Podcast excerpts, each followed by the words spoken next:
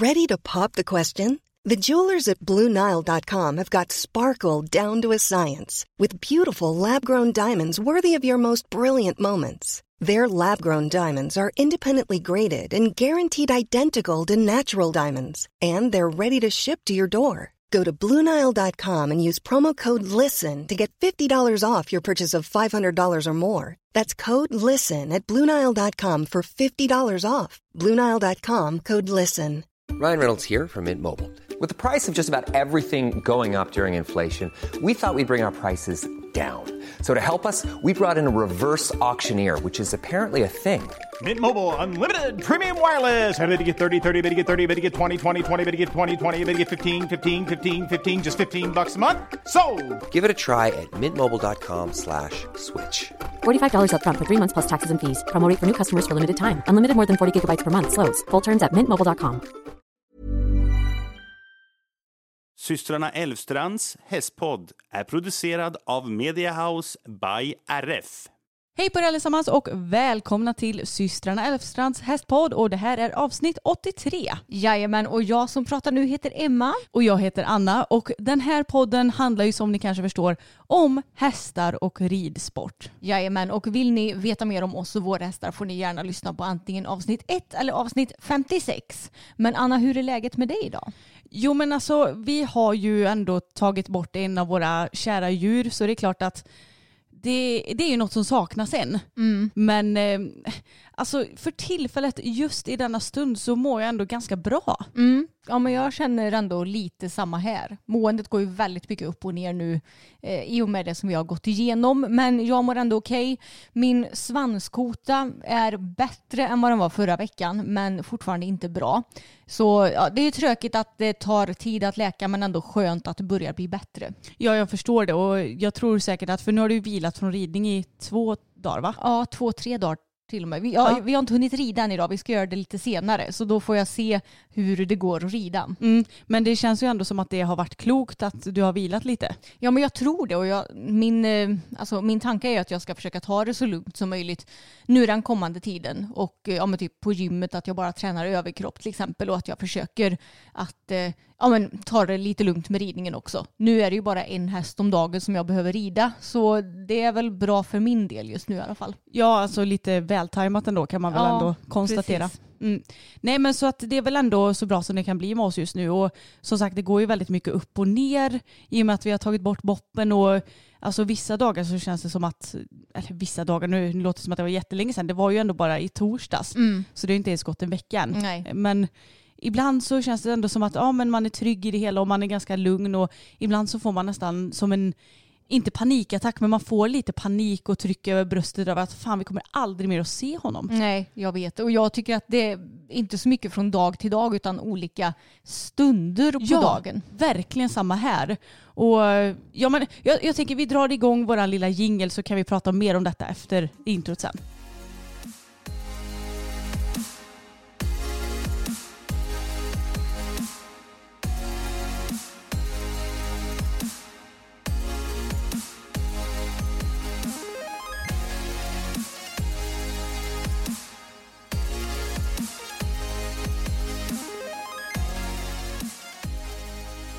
Jag tänker som så här att eh, vi får väl lite grann kanske ta det från början för jag tror att det är många som undrar hur det hela gick till.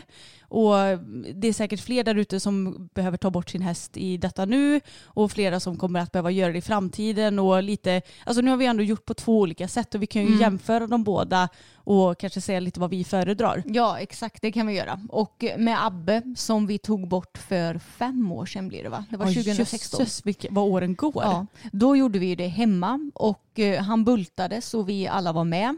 Eh, Och och, bult kan vi ju bara säga att det är ju som ett pistolskott som bedövar hästen. ja, alltså eh, det gör hästen medvetslös kan man säga. precis. Och sen så får man ta lite avlivningsvätska för att den faktiskt ska somna in. Ja, så först blir det att hjärnan dör och sen så får man avliva hjärtat också. Eller ska säga. Men hästen är ju död redan från alltså att man har bultat den. Mm.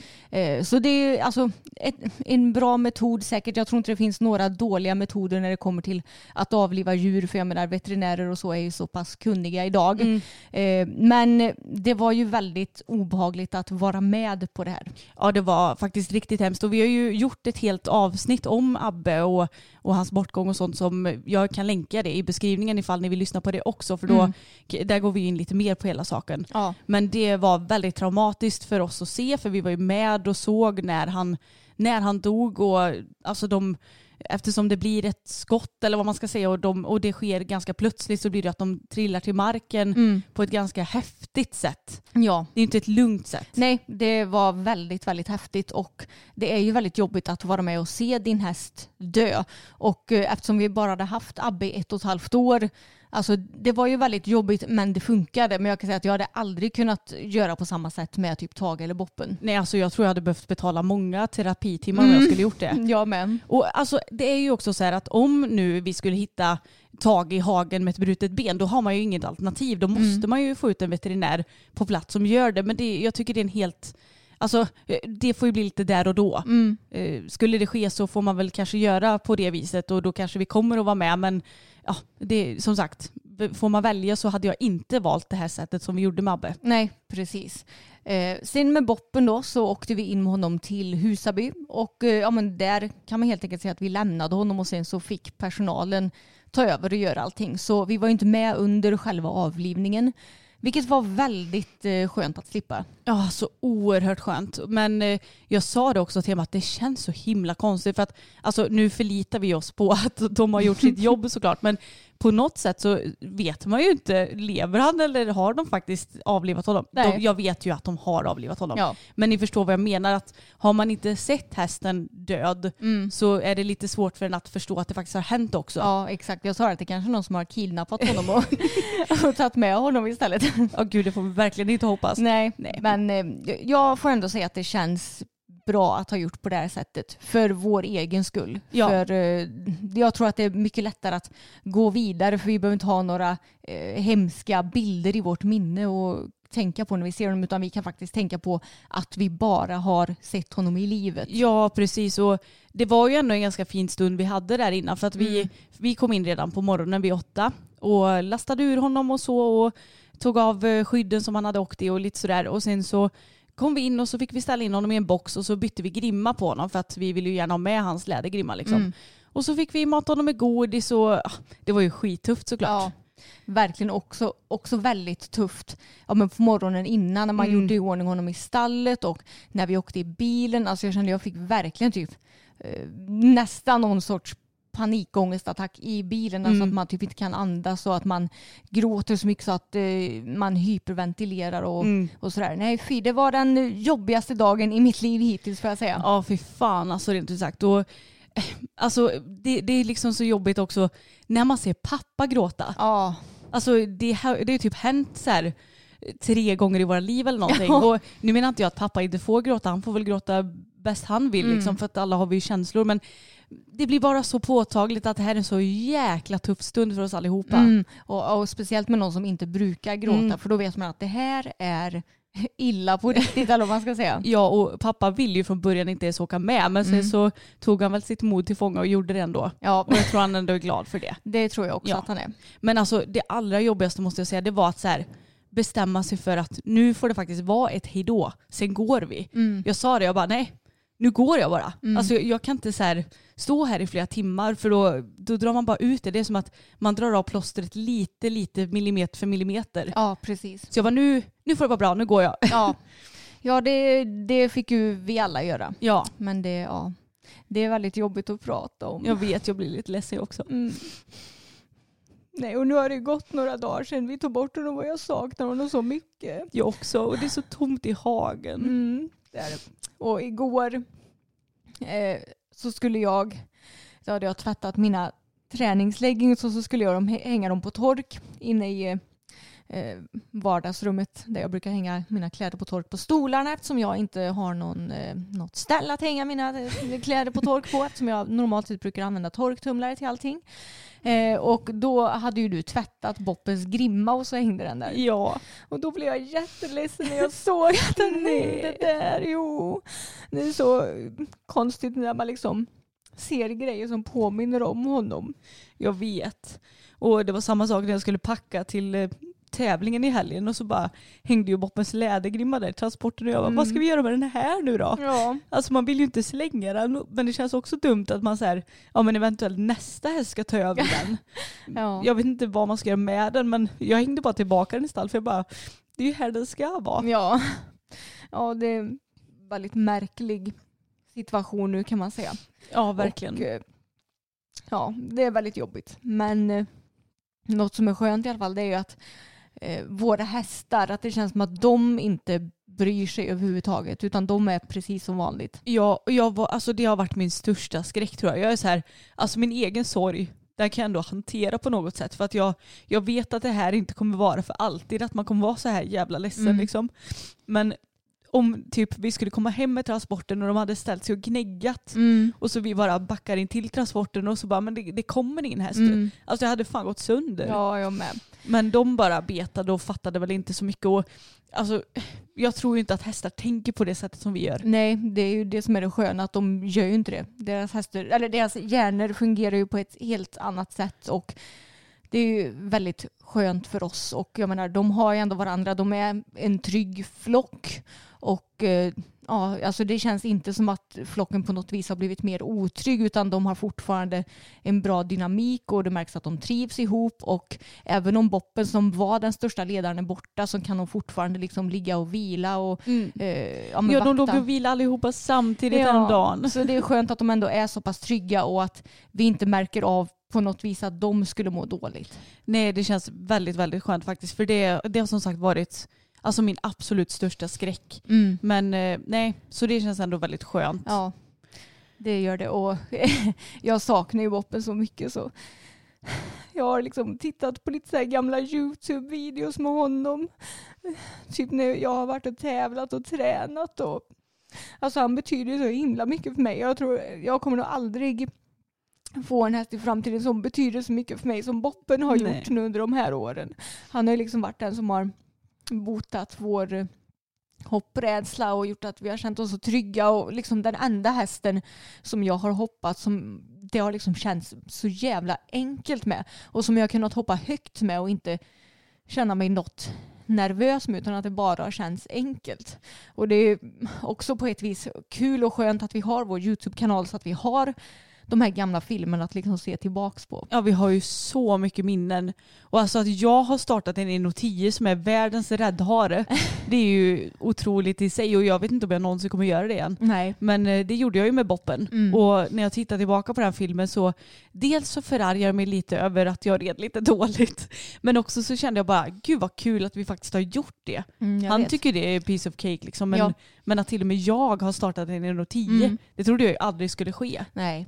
Han är, han är världens bästa kille. Mm. Mm. Verkligen. Men eh, lite sammanfattningsvis då så hade vi alla dagar i veckan valt att göra det på det här viset. Att åka in med hästen till kliniken och, och göra det där. Och, Mm. Alltså, det går ju säkert, eller jag, jag har ingen aning, men vi eh, kunde ju göra så här för att vi hade fått en dom på honom också. Mm. Man kan ju kanske inte bara ta en, en gammal häst för att den är gammal och, och behöver somna in och ta in till kliniken och avliva. Jag har ingen aning om hur den biten går till. Det tror jag säkert att man kan. Ja säkert, men jag, jag vet inte riktigt. Då kanske man får kontakta kliniken och säga det bara. Ja. Men eh, det här gick ju lite på försäkringen också. Mm. Eh, själva kostnaden för avlivningen och sånt Ja. eftersom att vi ändå hade en utdömningsdom på honom. Mm. Så, så eh, ja, men det, det har varit ett väldigt bra sätt även om det har varit svinjobbigt men det hade det varit oavsett. Ja, och det som var skönt också var att Boppen kändes lugn hela tiden, lugn Ja. och glad. Han stod bara och tittade efter de andra hästarna och, Mm. och var lugn så att det var så himla skönt också. Ja. Men sen måste jag också säga att det, jag fick ett litet sting av typ dåligt samvete en, en stund där på torsdagskvällen. Det, det har nog varit den jobbigaste kvällen hittills för mig. Mm. Då grät jag i total panik typ. Och så blir jag så här bara, fan nu har inte vi ens varit med honom hela vägen fram tills han har försvunnit helt och hållet. Nej. Jag fick en sån där panik bara att vi typ har svikit honom. Och så, jag tror att det är ganska vanligt att känna så. Men samtidigt så hade det varit så här, hur kul hade det varit för honom att ha så här fyra storbölande människor bredvid sig sin sista stund i livet. Mm, precis. Jag, jag förstår att du, känner, eller att du kan känna så men samtidigt så tror jag absolut inte att han kände så. Nej, jag, jag vet ju det också. Det är lite orationella tankar man har. Men det var liksom det sista jag tänkte på torsdag. Bara, Mm. "Åh, ja, ni förstår ju, det är mycket känslor kvar i det här. Mm. Ja, det lär det säkert vara ett tag till också. Ja, Men det, livet går vidare och eh, jag är väldigt tacksam över att vi har våra andra tre hästar. För alltså, tänk om vi bara hade haft boppen. Alltså då hade man ju alltså, helt och hållet eh, alltså, grävt ner sig Ja. och inte kunnat eller orkat göra någonting. Nu har vi ändå tre andra hästar som ger oss energi och som vi inom stationstecken måste ta hand om och jobba med. Vi har dessutom alltså, hur mycket tävlingar och träningar som helst inplanerade nu som vi måste göra. Så det är ju ändå bra och det är skönt att de andra tre är så himla liksom fina och i bra form nu också. Då blir det ändå kul att vara ute i stallet även om det är en häst som saknas. ja, verkligen. Och det är klart att vi inte tvingas till någonting. Man hade ju kunnat ställa in allting. Men för vår del så har det funkat väldigt bra att faktiskt ha saker och ting planerade. Sen funkar man ju väldigt olika som personer men vi, vi har ändå gjort saker egentligen hela tiden från att vi, vi tog bort honom. Och det har funkat bra för oss men man får ju hitta sin egen väg i sorgen. Men förra onsdagen så vankades det ju hoppträning för oss och eh, den hoppträningen var ju lite som ett test ifall jag skulle kunna åka på pay and jump till helgen eller inte. Men eh, jag upptäckte med en gång att fy fan vad ont det gör att rida och att hoppa. Så då tog vi beslutet att Anna, du får åka på pay and jump med Bella istället. Ja och jag sa det till mig att alltså, jag får vänta någon dag med det beslutet för att jag råkade ju trilla av. Ja, och det här såg inte jag för det var när jag hade liksom, ja, men, travat och skrittat av Bella och skulle ta in henne i transporten. Då flög Anna av tydligen. Ja, och pappa fick inte ens det på film. Nej. Alltså jag blev lite sur på honom för jag bara, pappa snälla det är hoppträning och du ska filma egentligen allt. Ja. Nu ska inte jag vara för hård mot kära pappa men jag var så här, du måste filma när vi ramlar av för 17. Mm, han är ju ganska bra på att stå och köta med andra istället för att faktiskt filma. Det kan man verkligen säga. Och jag kan ju bara säga lite hur avramlingen gick, till. För Fokus han var ju egentligen fin den här hoppträningen. Men han var också lite tjurig. Eller lite är väl att ta i. Eller eh, vad säger jag? Okryddad redan. Han var rätt tjurig. Och jag och pappa har nog kommit fram till att det är ju lite pälssättningstider nu. Så det kan eventuellt vara därför han är lite sur. Ja. Men i alla fall, då skulle jag komma. Jag hoppade en oxer snett igenom. Och så skulle jag vända upp på kortsidan längs väggen och så skulle vi hoppa ett räcke och så eh, fem galoppsprång till en oxer på relaterat avstånd. Och grejen var att det här räcket hade som små stenmurar under sig. Och de är inte några tjocka murar utan det är sådana här tunna ifyllnader bara från Safety System tror jag de är. Eh, och, och så tänkte jag så här, vi, vi kom i svängen och då skulle jag rama in honom i ytterskänken och då gjorde han en så här tjurspark och bytte galopp. Och jag bara, ja ja, han får väl hålla på och krångla bäst han vill. Och så tänkte jag, ja men bra, nu har jag två lite större galoppsprång fram så kommer vi komma hur bra som helst på det här räcket. Så jag red två lite större galoppsprång och tänkte att nu hoppar vi och fokuserar. No! Tvärnitar så jag flyger som en vante och kraschlandar i murdelarna. Men det var ju typ exakt så som jag flög av Bella, bara att hon liksom gjo- gjorde lite mer studs. Så jag, jag flög inte så mycket framåt utan jag flög uppåt och neråt på röven. Mm, ja, men han, han gjorde verkligen en tvärnit. Och jag blev så förvånad för han har aldrig gjort något liknande förut. Nej, han brukar väldigt sällan tvärnita på hinder. Ja, då brukar det mer vara att han typ springer åt sidan Ja, eller något sånt där. Så att jag blev väldigt förvånad. Och eh, jag eh, gjorde ju sönder de här stackars murdelarna också. De här fötterna gick av. Och eh, Sten blev väldigt så här, bara, men gud hur gick det Anna, är du okej? Jag bara ja alltså. Jag slog bara i min, eh, mitt högra lår lite grann på utsidan och så fick jag lite ont på ländryggen på vänster sidan. För att jag landade väl där liksom. Men eh, det var ingen fara. Men jag tyckte lite synd om Fokus också för när jag hade flugit av så stod han och såg alldeles bekymrad Ja. ut. Jag bara, men gubben, alltså, jag kan tänka mig att där han har varit tidigare, om, de, om han har rivit eller om de har åkt av så har väl han fått, fått smaka på någonting. Ja, precis. Och jag var så här bara, klappa honom och bara, men lugn killen, alltså det här kan hända. det är ingen fara. Men grejen är att det var ju lite tittigt med de här stenmurarna. Mm. Men de har vi ju hoppat förut utan problem. Och så tänkte så att jag ska ju inte rida an det som att det är ett läskigt hinder. Nej. Och nu när jag inte gjorde det så åkte jag av. så jag vet inte riktigt hur jag ska tolka den här avåkningen. Nej, men ibland blir det lite knasigt. Jag tror att man inte behöver överanalysera grejer heller. Jag tror inte heller. Men det var så kul för när du hade åkt av och gjort sönder de här grejerna då, så stod ju de vid sidan av hindret istället. Och eh, när jag kom tillbaka så såg jag att de stod på sidan. Och eh, då så hade ju pappa sagt till mig att du hade flugit av. Så jag trodde ju att Sten hade ställt dem vid sidan av hindret för att inte typ fler personer skulle flyga av eller för att det skulle liksom flyta på lite bättre. Ja. inte att det liksom var att de hade gått sönder. Jo, det, det var mitt fel. eller, eller fokus fel. Det- Jag vet inte. En blandning av oss. Ja, det beror på hur man tolkar det. Ja. Ja, men eh, på grund av eh, skadad mig Mm. och att du sen kände dig ändå ganska bra dagen efter så fick du åka och eh, åka på penjump med Bella.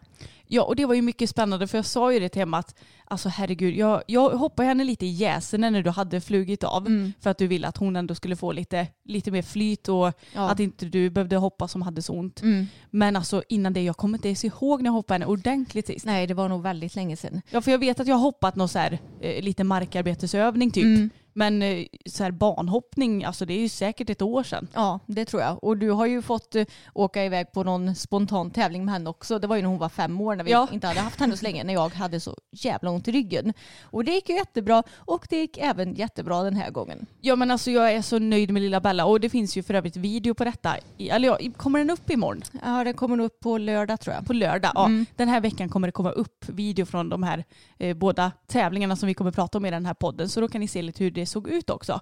Men eh, alltså jag är så nöjd för hon kände så himla lugn och fin men framme för skänken. Och med framme för skänken så menar vi att de lyssnar direkt. För det är många som frågar vad menar ni egentligen? Ja. Eh, men det är att de lyssnar verkligen på skänken direkt när man lägger an den. Ja, och är liksom positiva Mm. till skänken. Precis och inte ju, tjurar. Nej, hon kan ju vara lite tjurig ibland. och det är ju väldigt, alltså det är lite beroende från dag till dag och beroende på eh, lite också vart man är och vad man ska göra. Hon är ju oftast mer framme för skänken när vi är på tävling till exempel. Mm. För då blir det någonting nytt för henne och hon tycker det är kul att tävla Mm. och liksom, eh, vad ska man säga, visa upp sig och få prestera lite. Och då brukar hon bli mer positiv och mer framme för skänken. Så det är ju bra. det är väldigt bra. Men det innebär ju också att hon kanske inte alltid är så framför skänken till exempel hemma när jag ska rida dressyr som hon inte tycker är så himla roligt. Mm, precis. Men hon var jättefin och vi hoppade fram och jag kom rätt på alla hinder och hon kände så himla härlig. Och jag valde att hoppa 80 och 90 eftersom jag kände att, ja men som sagt jag har inte hoppat henne ordentligt på evigheter. Nej. Så ville safea lite för, ja men kanske framförallt för hennes skull så att jag inte skulle lägga henne i skiten eller något sånt där. Men eh, första rundan så kändes allt väldigt bra. Men det var ett hinder som jag tänkte att nu tar hon ett galoppsprång till och hon bara nej jag hoppar av nu. Så då blev jag lite efter i språnget. Men det var ingen fara på taket så.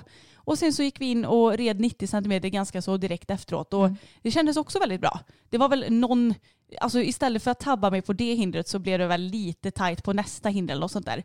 Så jag hade ju kunnat få lite, lite bättre flyt. Men med tanke på hur lite vi har tränat tillsammans så är jag extremt nöjd. Jag tyckte ni hade jättefint flyt i båda rundorna. Ja, jag har ju inte sett rundan än, så då man kanske, men känslan var att det blev något av och på. Eftersom hon var, så, hon var ju så framme för skänken så hon var nästan för Förvå- pigg ja, ibland. Lite förvånad. Ja. Ja, jag blev så här, men här, oj jösses, lugn.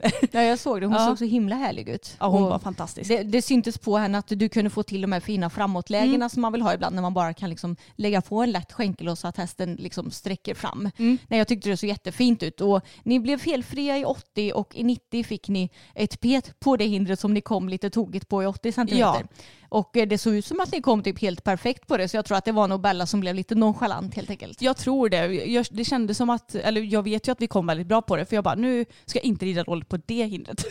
Eh, och då kom vi väldigt bra på det men jag tror att hon bara blev lite så här, nja. Ja. Hon blir ju lite sån som du säger. När man hoppar pinjam på det samma bana två gånger så kan hon bli lite så här, ja men jag har ju redan gjort det här en gång. Ja, precis. Hon är ju ingen häst som eh, alltså, vad ska man säga, benefittar av rutiner. Mm. Utan snarare tvärtom. Att när jag tävlar så brukar jag oftast bara rida en klass för att hon, eh, jag är ganska säker på att hon skulle inte gå bättre i den andra klassen. Nej, fast i och för sig om man rider en vanlig tävling, om du skulle hoppa säg 90 och en meter, Ja. då blir det ju olika Banor. Alltså, banor Mm. ja. Men sen om du skulle hoppa, om jag säger Falköping brukar ju ha bedömning A 80 och 90 och då är de i samma bana. Ja. Där kanske det inte blir bättre. Nej, exakt. det har du rätt i. Men hon gillar ju när det liksom sker nya grejer Mm. hela tiden så att hon inte riktigt vet vad som ska hända. Eh, för när hon vet vad som ska hända då kan hon bli lite slarvig. Mm. Eh, så det är ju också bra på ett vis för hon har ju väldigt mycket eget självförtroende till exempel. Mm. Och det är ju positivt och hon gör ju alltid sitt bästa. Hon är ju superrolig att åka ut och tävla med. Men det var också kul för hon har varit lite spänd när vi har varit i Alingsås Mm. tidigare. Det är ju typ den enda tävlingsplatsen. Alingsås och Lidköping tror jag är de enda tävlingsplatserna där jag inte har fått någon bra känsla på henne för Mm. att hon har känt spänd.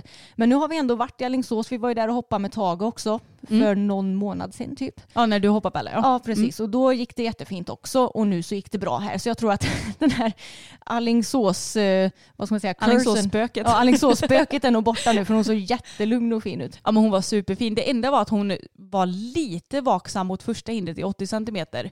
Eh, Så då, var jag, då smackade jag bara lite grann så att hon skulle bli tryggare. Och då hoppade jag ju som tusan och så var det inga problem sen. Men det var också så skönt kände jag för att med tanke på hur mycket, jag har ju inte hoppat alls mycket i år eftersom jag har haft skadat knä och allt sånt där.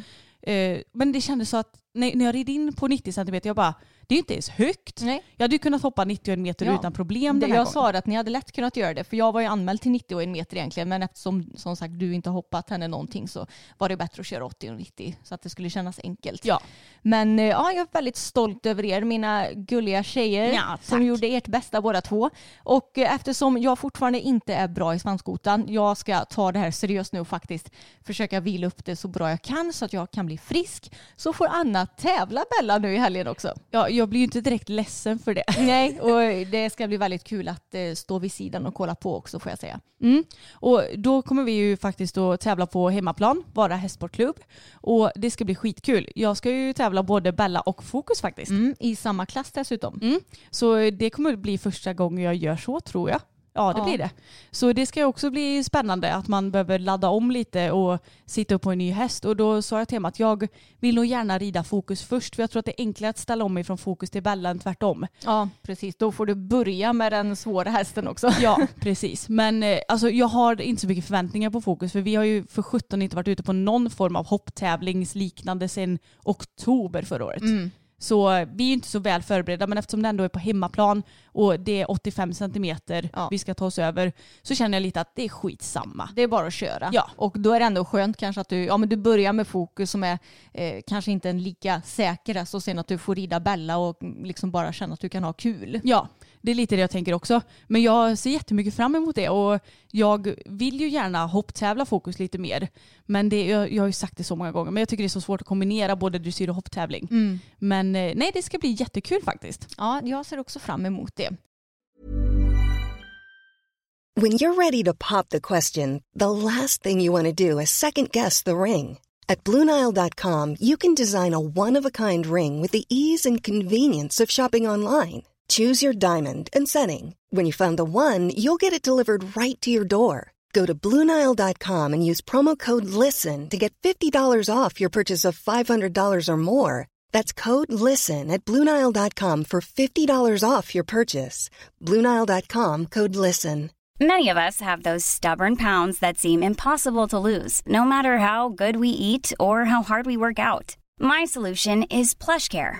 PlushCare is a leading telehealth provider with doctors who are there for you day and night to partner with you in your weight loss journey. They can prescribe FDA-approved weight loss medications like Wagovi and Zepbound for those who qualify. Plus, they accept most insurance plans. To get started, visit plushcare.com slash weight loss. That's plushcare.com slash weight loss.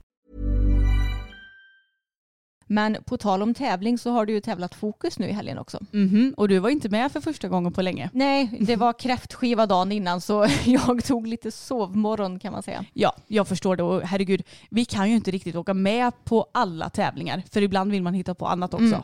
Så jag frågade pappa om han kunde åka med och det ville han gärna för han, han har inte varit med på tävling på evigheter. Nej, det har ju blivit så att eh, eftersom vi bara får ha en medhjälpare så har ju jag varit med dig eller du har varit med mig. Mm, exakt, för att det är ju lite enklare eftersom att vi kan hjälpas åt att filma lite och vi vet lite mer när den andra vill ha film. Så det är ju lite svårare att ha med pappa eller någon annan. För att då får man liksom be lite mer om det. Men det vet man ju också om sen innan. Men vi var i alla fall i Töreboda och startade en lätt A1. Och vi har ju aldrig startat det programmet förut, jag och Fokus. Jag har ju ridit det på Tage några gånger men inte med Fokus. Och det var faktiskt jättekul. Mm. Vi ingick i division 2-laget även denna gång och laget hamnade på andra plats av tre lag. Mm. Men eh, jag tyckte det var väl kämpat av allihopa. Och han var, alltså det roliga var att jag trodde att jag hade gjort en jättebra tidsplan. Och sen så när jag väl skulle sitta upp så bara, men gud jag har ju typ så här 25 minuter på mig att rida fram. Mm. Men då hade han ju skrittat fram alltså, så jag Ja. kunde ju börja trava direkt så. Men det kändes ändå som att det blev ganska lagom för att han var ändå med mig redan från början. Men hade han haft en dålig dag så hade det varit Lite jobbigare. lite jobbigare för mig. så till nästa gång, gör det bättre tidsplan Anna. Mm. Okej, då har vi lärt oss det. Men han var fin på framridningen. Det skedde inne i deras fina ridhus. Och sen så skulle vi ut till paddocken och rida själva programmet. Och jag var lite så här, eftersom det inte kändes så himla bra när vi red på hemmaplan på Vara hästsportklubb så var jag lite så här, vi får se lite hur det går. För att de hade ju pyntat så himla fint också i Töreboda. Det var blommor i hörnerna till och med och blommor i alla bokstäver. Och så hade de en transport där domaren satt och där hade de halmbalar och grejer så att det var jättefint. Men då blir det också lite mer tittigt för en häst som fokus. Och dessutom så har de ju en idrottsanläggning som ligger typ precis intill hästklubben. Och då var det någon fotbollsmatch och det var så röda och gula västar som sprang runt. Inte så himla nära men ändå, ja, du vet ju hur fokus kan vara. Ja. Han har ju koll på allt. Och så hästar som var runt omkring och sådär så det var ändå mycket att titta på. Men han var så fin. Mm. Jag var så himla förvånad och lättad för att jag börjar ju alltid med att trava runt under lättridning runt, eh, ja men för att titta på domaren och titta på alla blommor och kika av läget så här. Och det var någon gång han tittade på en blomma i hörnet men sen bara okej, så frustade han och så var det klart. Mm. Så vi red igenom programmet sen och visst han var lite seg fortfarande men han var så himla mycket mer koncentrerad mot vad han varit tidigare. Så jag var så glad när jag kom ut från banan. Mm, så himla kul och skönt också för det här blir väl sista utomhustävlingen i dressyr för i år va? Jag tror det, för nästa, vi ska rida nästa omgång av division 2 också och då ska det vara inomhus. Så Mm. att det, och jag menar det är ju sju- 26 september så sen blir Ja, det inomhus om jag ska precis. tävla något mer. Så det är ändå skönt att du har kunnat avsluta utomhussäsongen med en bra känsla och att han har varit avspänd också med tanke på att du har haft sådana problem när du har tävlat utomhus tidigare. Ja men jag kände det och i Vara så kändes det ju verkligen som att jag fick klämma runt honom i Mm. princip. Nu var det ju inte riktigt så illa men jag tror ni förstår vad jag menar. Ja. Och den här gången så kunde jag ändå så här, ja men du vet han tog skänken lättare och galoppfattningarna var ändå så att jag kunde få till dem bra och ja men det kändes riktigt bra. Sen så tyckte jag väl att vi inte riktigt fick betalt för ritten. Ja. Det kändes så. Jag, jag har inte sett, som vanligt, jag har inte sett ritten än själv. Nej, men dina lagkamrater tyckte ju det också, att Ja. du förtjänade mer poäng. Ja, Eh, Och så är det ju ibland. Det är ju som med dressyr, det är en Ja. bedömningssport och ibland så får man betalt och ibland får man inte betalt. Men det är alltid surt när, när du har fått en bra känsla och sen inte får de poängen du tycker att du förtjänar. Ja, men jag, jag tycker lite så här, alltså jag, jag brukar inte lägga så mycket värdering i poäng, men som förra tävlingen som jag startade, då fick vi ju 62,1 tror jag. Och då hade jag ju ingen bra känsla alls. Alltså Nej. vi kunde ju typ ta oss igenom programmet, men det var verkligen med nöd och näppe Ja. i princip. Men då fick du ju de poängen du förtjänar. Ja, det tyckte jag. Och det ska tilläggas att det var ju samma domare också. För det är, olika domare kan ju döma olika men det blir ju lättare att jämföra när man Mm. rider för samma domare. Men nu fick jag ändå en mycket bättre känsla. Vi fick ingen miss direkt. Sen så blev kanske någon 10 meters volt lite kantig och, Mm. och som sagt tappade lite bjudning i framförallt skänkelvikningarna. Ja. Så det är klart att det drar ner men det är ju fortfarande ingen miss Nej. så. Men då, nu fick vi 62,9 och jag, jag kände lite att alltså min känsla är inte att det skiljer sig inte ens en Nej, procent. precis. Eh, men det är ju som det är och jag är hur nöjd som, hon, som helst med honom oavsett. Mm. Så eh, men det var så skönt och jag kände att eh, det kanske kan bli bukt på de där utetävlingarna någon gång. Det är skönt och eh, då vet du också att det ändå funkar att rida på kort bana med Mm. för du har ju bara tävlat honom på lång bana förut va? Ja, jag har ridit något lätt BS-program. Eh, Men det var ju länge sedan och Ja. då, ja, nej men det funkade faktiskt bättre än vad jag Mm. trodde. Och jag var lite så här, hur ska vi hinna med de där 10 metersvolterna i galopp? Ja. För det övar ju vi typ inte på. Nej. Och när jag väl övar på så lite små volter så brukar jag ju samla honom samtidigt. Så det är lite dumt att man inte rider i vanlig arbetsgalopp. Ja precis. Men nej, det, jag, jag är så nöjd. Det var verkligen över förväntan. Jag kom på att jag glömde ju berätta en liten detalj om Bellisen när vi var iväg i Alingsås också. Och eh, hon är ju lite tjurig och vi har ju rosett i, svansen på henne eftersom att hon är tryckkänslig och gillar inte riktigt när det kommer hästar nära och sådär. Men eh, när vi red eh, i Alingsås så sparkade hon ju mot två hästar. Ja, och det var väl skritt på spåret här tror jag. Alltså det, det har ju blivit väldigt vanligt det senaste känns det som. Mm. På framhoppningar att du ska skritta på spåret och att man ska trava och galoppera på insidan av spåret. Och det har ju sina för och nackdelar. Fördelarna är ju att eh, de som skrittar faktiskt gör det på samma ställe.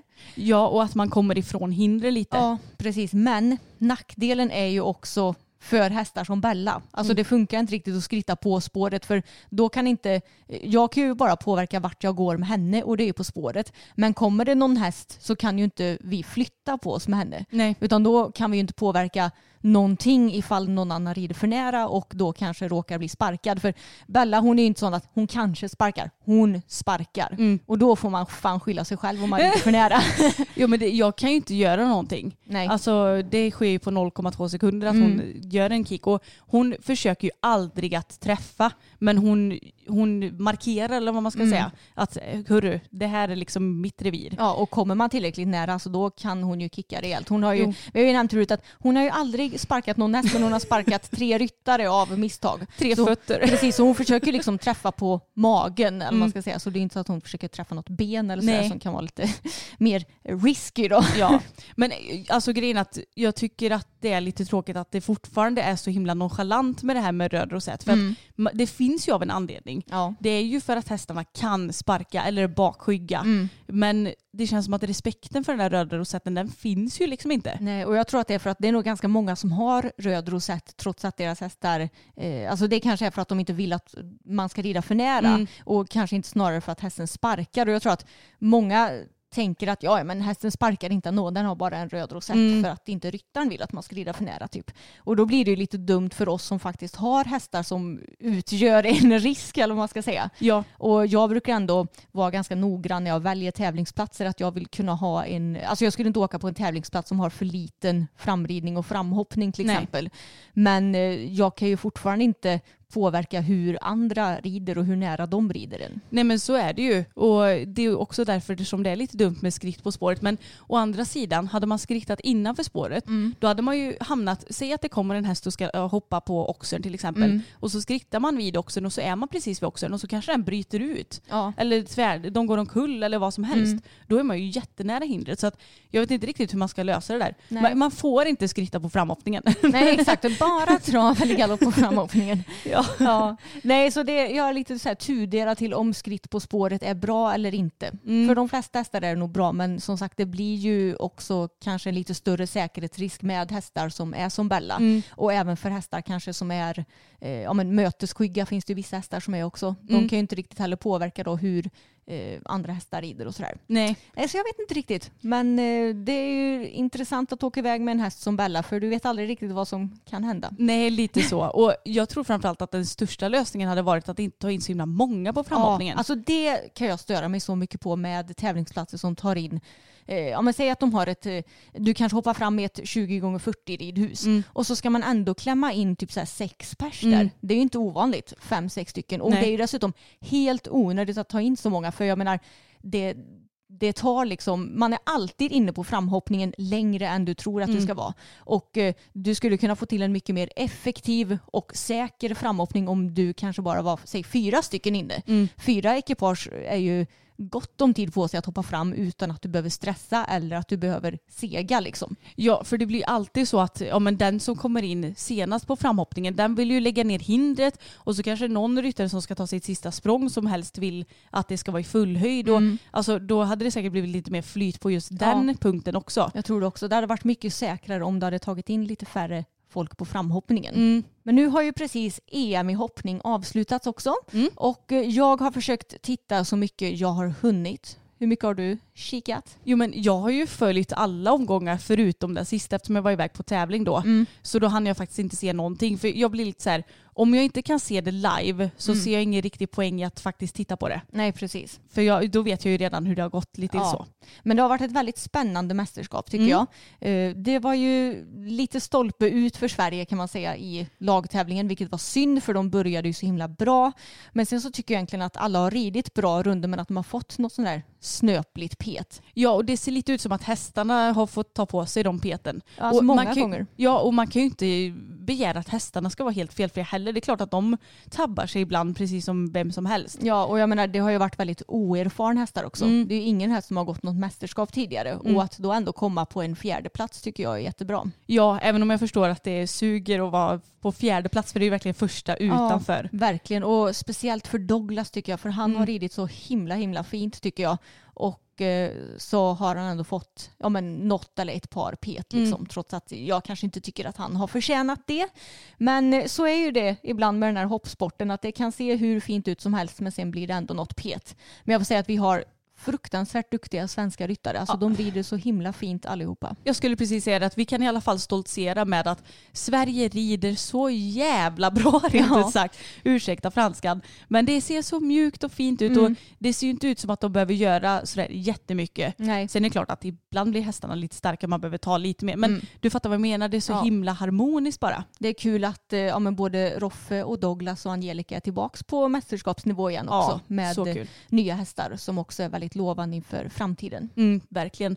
Men sen tyckte jag också att det var kul för jag, ja, utöver svenskarna så hejade jag mycket på Ioli. Nu kommer jag inte ihåg vad hon heter i efternamn. Mytoloni. Ja, något sånt där. Ja. Det är en grek, eh, grekiska, säger man så? Ja. Ja. Eh, och hon, det var väl mästerskapsdebut för henne nu va? ja, på seniormästerskap. Ja, precis. Och alltså hon har ridit så fina runder, har en helt fruktansvärt fin häst. Ja. Men så fick jag ju höra av det att eh, sista dagen, på sista rundan Ja. så kraschade de. Ja, hon hade inte rivit ett enda, ett enda hinder fram tills dess. Eh, och sen så kom de till trekombinationen och det blev något missförstånd så Mm. hon kraschade in i den och sen valde hon att utgå. Vilket var synd för eh, alltså, den hästen den har hoppat helt sjukt bra. Hon har ridit så himla fint. Sen så vet jag att hon berättar att eh, hennes nerver är väl den eh, nackdelen som hon tycker att hon har då, som ryttare. Och när du kommer och har liksom, ligger på medalj, du har en runda kvar att rida. Tro fan att du kanske, att kanske något sånt där händer om du inte har den erfarenhet som typ Peder har. Ja men herregud det är inget konstigt alls men det känns ändå som att hon var så oerhört klok och jag älskade att hon efter varje runda hon hade ridit så blev hon intervjuad i princip. Och hon bara, alltså det, det första hon sa var ju bara att hon överöste en massa beröm över sin häst och han är fantastisk och men hon var, hon var bara så himla gullig. Hoppas att hon eh, får behålla hästen. Ja. Det, jag kan tänka mig att, eh, jag vet inte vem som äger den här hästen. Nej. Men eh, jag kan tänka mig att de kommer få väldigt mycket, mycket bud på den efter det här EMet för det har ju varit eh, kanske den mest lysande stjärnan av alla hästar skulle jag säga. Verkligen. Ja men det kan ju hända att hon äger den själv, jag vet faktiskt Nej. inte. Vi får hoppas på det för att ja, de var ju helt outstanding Ja, tillsammans. verkligen så otroligt fint ekipage. Och eh, sen så blev ju den individuella finalen väldigt spännande också. Mm. Och stort grattis till Peder som har tagit tre mästerskapsmedaljer inom loppet av inte ens en månad. Ja det är ju helt sjukt. Och så med eh, Catch Me Not, nu kommer jag inte ens ihåg vad han kallas. Charlie. Charlie ja, just det ja. Som eh, inte gått något mästerskap, mästerskap förut va? Nej. Så det är ju fantastiskt kul. Och, alltså, Charlie är verkligen en så rolig häst för att jag, tycker lite att så här, han ser inte jättemycket ut för världen. Nej. Men ändå så har han mycket stamp i sig. Ja det har han och det känns också som en häst som verkligen, eh, han kanske inte har exakt alla, eh, vad ska man säga, Förutsättningar. Nej, precis. Förutsättningar med sig. Som kanske lite mer Allan har till exempel. Men han gör verkligen sitt bästa och han försöker verkligen. Och jag tycker det verkar vara en så himla härlig häst. Och eh, det visar också på vilken otrolig ryttare Peder är som har, kan rida så pass olika hästar och liksom ändå prestera så bra hela tiden. Ja det är verkligen galet. Och eh, Ermindo som Rolf-Göran rider är ju också en himla favorit hos mig. Ja, han är, Han är så, så snygg. fin. Ja, Ja. Det är riktigt eh, fina runder av Roffe också tycker jag. Lite snöpligt eh, ja, men nedslag också nu i finalen. Mm. Men sånt kan ju hända. Vi vet ju att mycket händer i den här sporten och inte minst hoppning där det gäller alltså för varje hinder. Ja, precis. Men eh, någonting som jag tyckte var så himla fint det var Schweiz, de vann ju EM-guldet i lag Mm. och eh, då var ju Steve Gerda en av ryttarna med eh, sin häst Maddox. Mm. Och det är ju för övrigt en svenskfödd häst också. Ja visst red eh, Steffi den innan va? Ja, Mm. precis. Stephanie Holmén alltså. Ja, precis. Och eh, tidigare i år var det va, så Mm. förlorade ju Steve Bianca som väl var hans bästa häst. Ja, och som också är svensk. Ja, Mm. precis. Och, ja, men vi har ju pratat om Steve förut och det märks på honom att han, han är inte en sån person som ser hästarna som några maskiner Mm. och som någon liksom industri utan han ser dem verkligen som eh, ja, men, sina vänner och sin familj. Och det, nu när vi har varit så himla känsliga också efter Boppens bortgång så måste jag erkänna att det kom en, några tårar i ögonen när han intervjuades efter eh, att de hade vunnit guld och eh, han, eh, han sa att jag hoppas att Bianca är stolt över oss där uppe och så Ja. tittade han upp mot himlen och ja, nej alltså det var Ja, jag började Det- typ gråta bara jag tänker Ja, jag på det här det är så fint. det var så himla fint sagt och ja, nej, han bara en så himla ödmjuk människa och eh, fin hästmänniska. Ja men alltså jag tyckte det var så himla fint för att han sa ju verkligen att den här medaljen tillägnar jag Bianca. Mm. Och jag bara nej, alltså, Ja. jag, jag orkar inte det här just nu. Nej, inte jag heller. Ja men det är så fint för att man kan ju, man, man blir ju kanske lite fördomsfull att de som ligger i toppen att de verkligen bara eh, ja, ser hästar som maskiner och de ska bara upp, upp, upp och eh, Mm. ta massa mästerskapsmedaljer och de ska få massa priser och grejer. Men det här visar ju verkligen på att han bryr sig till 100% om sina hästar. Mm. Och det tror jag att många gör. Ja. Så nu ska jag inte eh, hänga ut någon här. Men man får ju lite den fördomen, det får jag i alla fall. Jo, jag med. Och det finns ju säkert vissa som ser hästarna lite mer som en industri Ja. och sådär. Eh, Men det gör ju definitivt inte Steve till exempel. Nej, och det, var, det kändes fint i hjärtat. Men när vi ändå snackar om EM så måste jag ju säga att den här veckan så är det dags för dressyren. Och det är ju även för U25 dressyr, vilket är kul för våran, vad ska man säga, kollega inom citationstecken. Lina Dolk rider ju Mm. med sin häst Docky. Så att eh, vi håller såklart en tumme för Lina och Docky Jajamän. och deras lag. Så det ska bli väldigt kul. Jag hoppas att eh, kunna se lite grann. Mm. Och eh, även seniorlaget är ju ute också. Och de som ska rida i laget är Therese Nilshagen, Juliette Rammel, Shanna Högberg och Jakob Nörby Sörensen. Okej. Så halva laget är eh, mästerskapsdebutanter helt enkelt. Mhm. Så Patrik, eh, han hade ingen häst som var redo för eh, EM antar jag då? Nej jag antar det för hans eh, häst snubblade ju i OS. Mm. Eh, och sen så den som han vann SM på är kanske lite för grön antar jag. Ja. Så ja, men det blir väl spännande och jag Mm. menar det är ju kul att andra ryttare får, får plats och, och försöka tänkte säga. Ja, men Nej men att precis. vara med i mästerskaps. Ja, Nivå exakt. också. Annars har ju Patrik en given plats i det svenska dressyrlaget. Precis. Så det blir spännande. Jag ska försöka att titta lite när jag har möjlighet så. Mm. Och vi kan ju göra så återigen att vi lägger upp tv-tiderna Mm. i, på vår Instagram så ser ni det där. Jajamän. Nu är ju ändå september här och man får ju säga att hösten är här. Till mitt förtret för jag gillar ju sommaren väldigt mycket. Jag med så att Mm. jag eh, gråter lite inom- inombords över att vi kommer behöva vänta med klänningar och, Ja. och solkräm. Nej jag skojar. Exakt, men jag menar det är ju bara början av september än vilket innebär att det är väldigt behagliga temperaturer ute.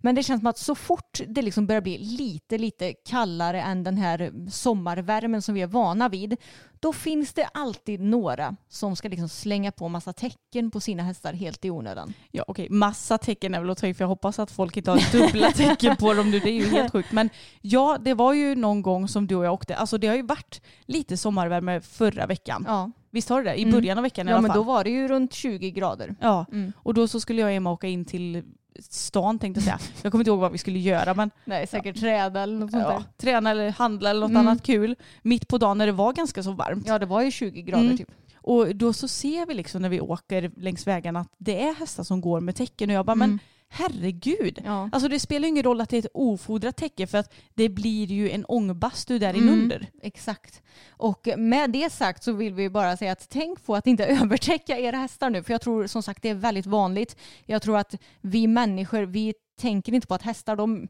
de reglerar sin temperatur på ett helt annat sätt än vad vi gör. De Mm. är mycket bättre på att hantera både kyla och värme än vad vi är.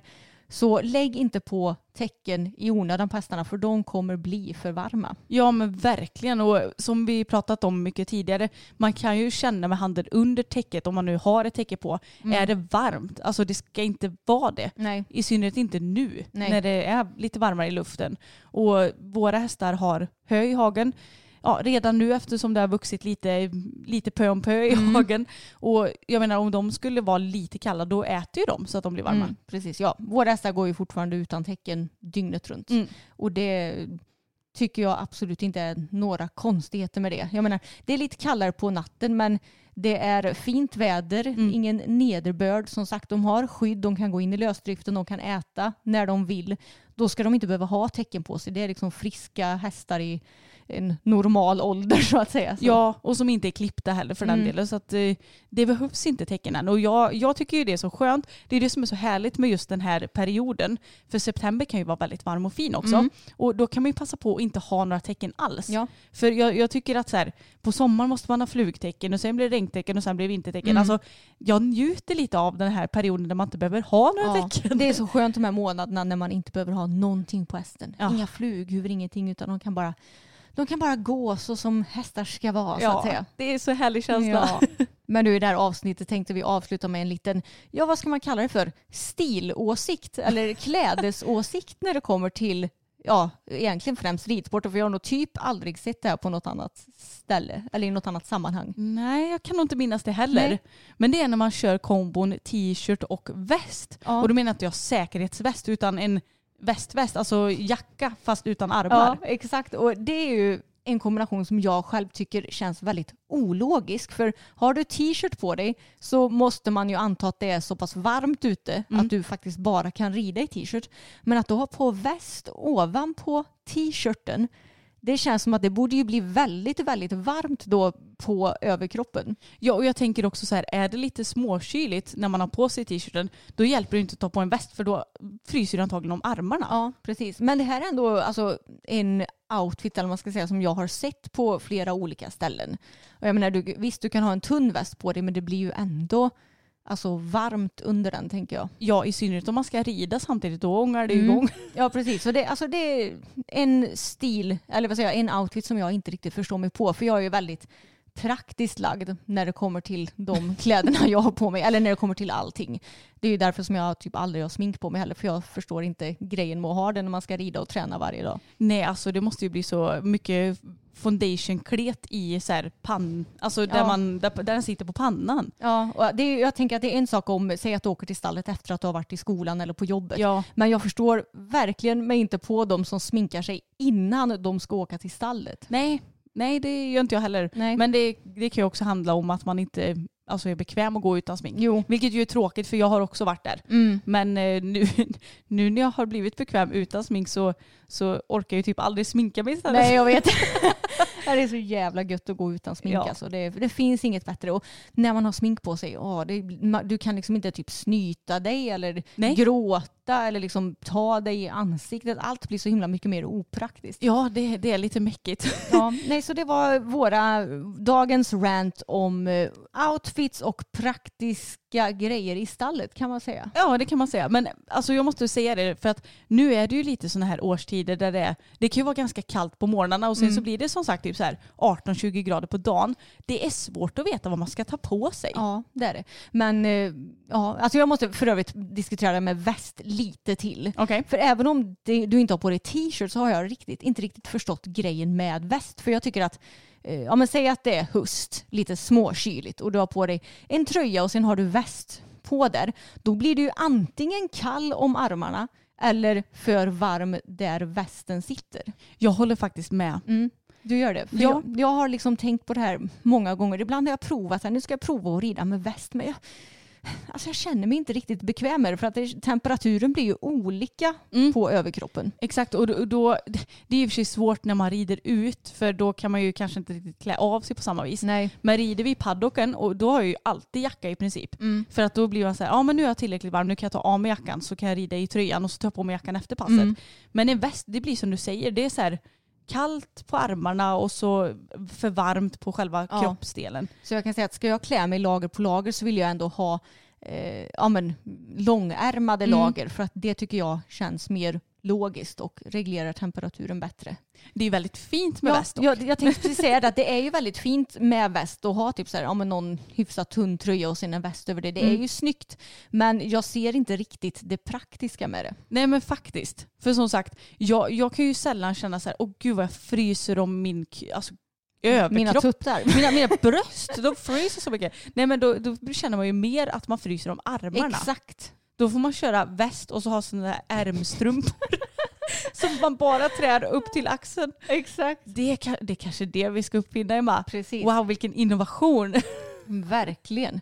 Men hallå, var det inte typ Tyra Sjöstedt som, eh, hon hade ju något ridsportmärke förut, var det inte hon som hade så här, någon tröja som man kunde typ ta av och på armarna på? Eller har jag inbillat mig det här? Det kanske hon hade. Ja, jag vet inte hur framgångsrikt det blev, blev, men det har nog funnits något sånt tidigare som vi har pratat om. Attans, då var jag inte först. Nej, jag tror inte det.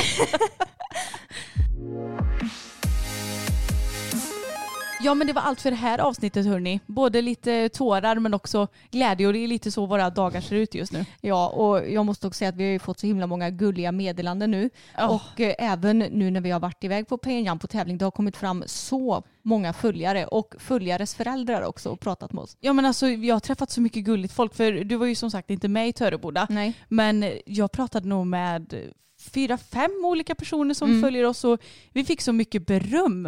Alltså jag blir så glad över att ja, men folk säger det att vi är liksom vanliga. Mm. Och det, det kanske inte låter som en komplimang men för oss så är ju det det. Ja, för att vi precis. vill inte vara några eh, uppsnofsade, visa bara det bra eh, personer utan vi vill visa alla sidor. Mm. Och just nu så suger livet för att vi är inne i en sorg. Men för den sakens skull så betyder inte det att vi inte kan vara glada ibland också. Nej, det, jag kan säga att livet suger ju lite mindre när man har så himla gulliga personer som Ja. följer oss och skickar eh, gulliga grejer och sådär. Ja, och jag måste säga också att vi läser ju allting men alltså det är helt omöjligt för oss att hinna svara på allt. Jag vet inte hur många tusen kommentarer vi har fått det senaste. Nej, det är helt galet. Alltså både på YouTube och Instagram. Jag tror att jag häromdagen tog bort 200 meddelanden.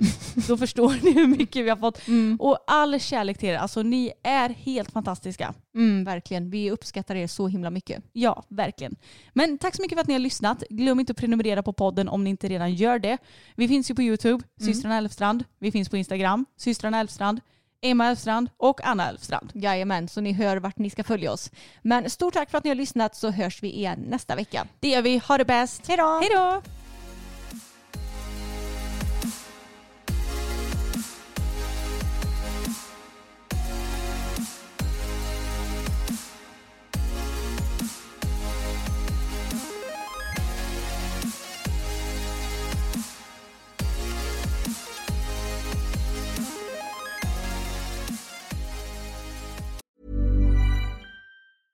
Mom deserves the best, and there's no better place to shop for Mother's Day than Whole Foods Market. They're your destination for unbeatable savings, from premium gifts to show-stopping flowers and irresistible desserts. Start by saving 33% with Prime on all body care and candles. Then get a 15-stem bunch of tulips for just $9.99 each with Prime. Round out Mom's menu with festive rosé, irresistible berry chantilly cake, and more special treats. Come celebrate Mother's Day at Whole Foods Market. Mom deserves the best, and there's no better place to shop for Mother's Day than Whole Foods Market. They're your destination for unbeatable savings, from premium gifts to show-stopping flowers and irresistible desserts. Start by saving 33% with Prime on all body care and candles. Then get a 15-stem bunch of tulips for just $9.99 each with Prime. Round out Mom's menu with festive rosé, irresistible berry chantilly cake, and more special treats. Come celebrate Mother's Day at Whole Foods Market.